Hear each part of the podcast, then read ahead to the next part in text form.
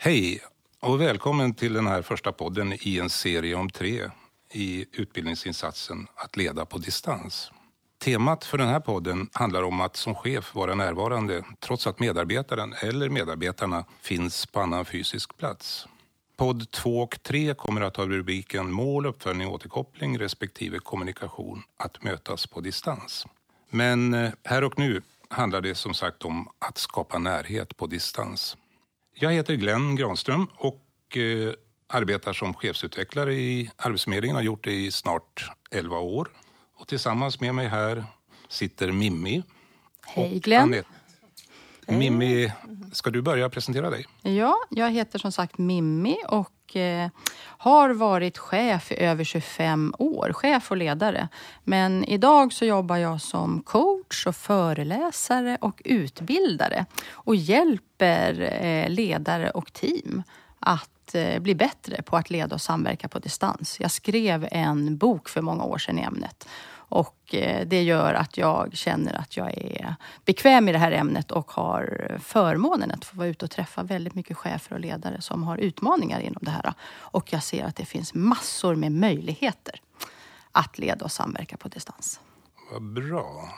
Du är ju här lite som expert också så det ska bli spännande att höra vad du har att säga. Anette? Mm. Anette heter jag. Jag har varit chef sedan 2008 och hela tiden då inom Arbetsförmedlingen. Och jag har i stort sett bara varit chef på distans eller haft mina medarbetare på distans. Ett av jobben hade jag så många som 70 medarbetare på distans utspridda över södra Sverige. Sen hade jag cirka 20 över hela Sverige. och där jag finns idag då på Arbetsförmedlingens huvudkontor har jag eh, ungefär 20 medarbetare totalt varav fem på distans. Mm. Du har lång, lång och bred erfarenhet. Ja. Mm, tack. Mimmi, du har i något sammanhang sagt att leda på distans är som att sätta ett förstoringsglas över sitt ledarskap. Det blir så tydligt vad som fungerar och vad som inte fungerar. Kan du utveckla det lite mm. grann? Ja, men gärna. Jag tänker att på distans så blir det avgörande att skapa någon form av känsla av samhörighet och sammanhang. Och det skulle ju det här förstoringsglaset kunna belysa. Mm. Vikten av att man verkligen känner att man får vara med i ett sammanhang. Och ibland så tänker jag faktiskt också att det är inte det fysiska avståndet som är utmaningen, utan det är just det här samhörighetsavståndet. Det vill säga vilken känsla har jag att jag ingår i ett sammanhang? Det tror jag är det som är det viktigaste när man leder och samverkar på distans. Att känna en känsla mm. av sammanhang. Ja, jag tänker att vi skulle ta avstamp i Arbetsförmedlingens ledningsfilosofi.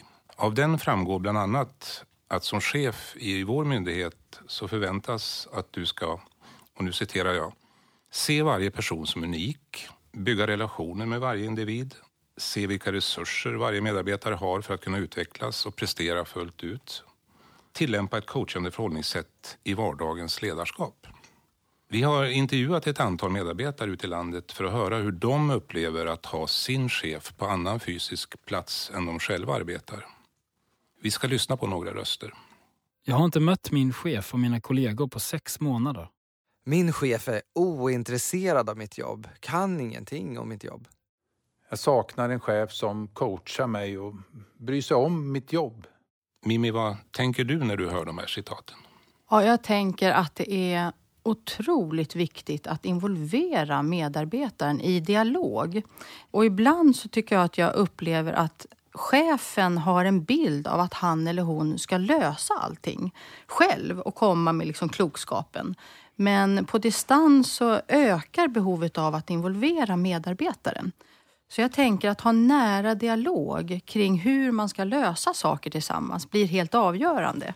Prata med medarbetaren om hur vill du att vi ska ha kontakt? Hur vill du att vi tillsammans ska lösa saker?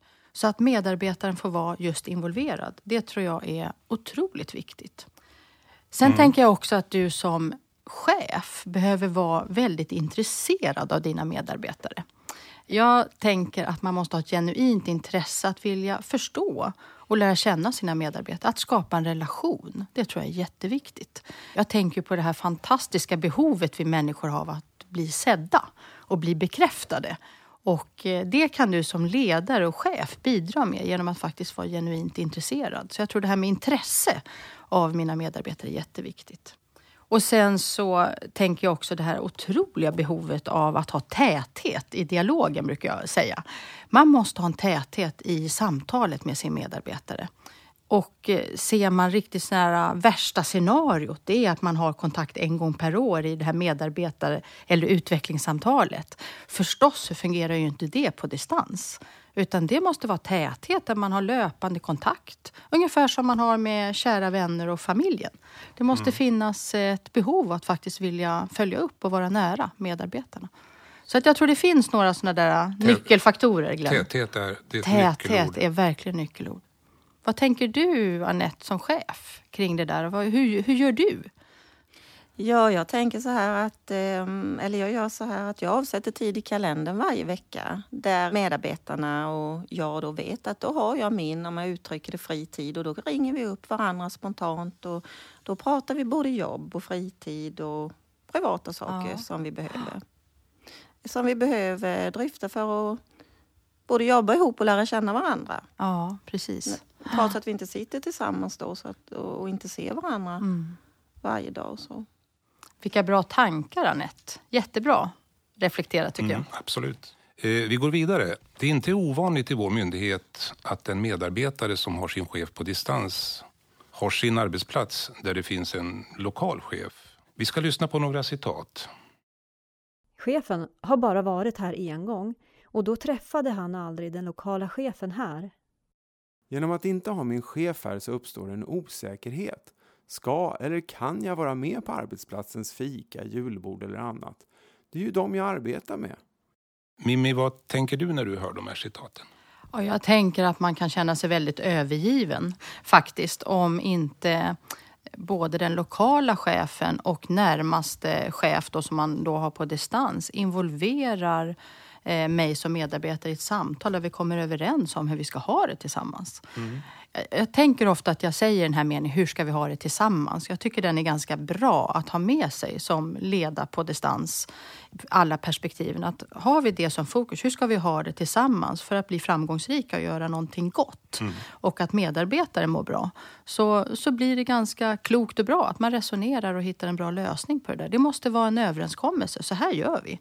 Och det är ju det är ju inte bara på distans, Nej, men kanske förstås. viktigare på distans. Ja, jag tror att man, mm. risken är ju att man känner sig ganska ensam mm. eh, och inte vet vad som gäller. Och det skapar en osäkerhet och jag tänker att man mår inte så bra i det. Hur tänker du, Anette, mm. kring det? Och har du varit i en sån situation där du har bidragit ja, till att försöka tydliggöra det? Ja.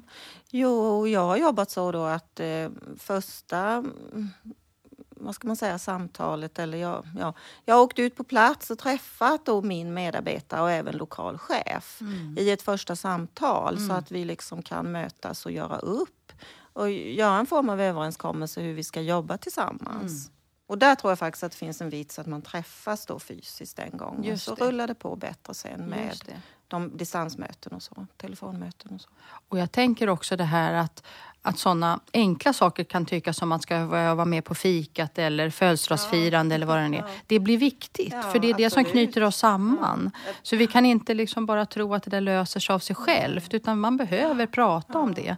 Och det tror jag man ska ha med sig, att även sånt som kan kännas lite banalt, som en kopp kaffe, eh, det behöver man också liksom prata om. Det är klart du är välkommen och alltid vara med på alla kaffestunder här och, och du är med om vi går ut och har en sommarkväll med jobbet tillsammans. Då är du välkommen. Absolut. Jag tror man måste känna det. Ja, jo, jag håller helt med om det. det är alltid, de har alltid fått vara med på julbord och, ja. och just sådana här gemensamma aktiviteter som man har haft på lokala ja. eh, AF och, ja. och, så. Så att de har kunnat känna att eh, de är en i gänget även om de inte har samma chef. men de jobbar det. på uppdrag. Det blir ju som en slags konsult eh, ett slags konsultjobb skulle jag vilja det. säga så. så att det, det, nej, det är jätteviktigt. Mm. Absolut.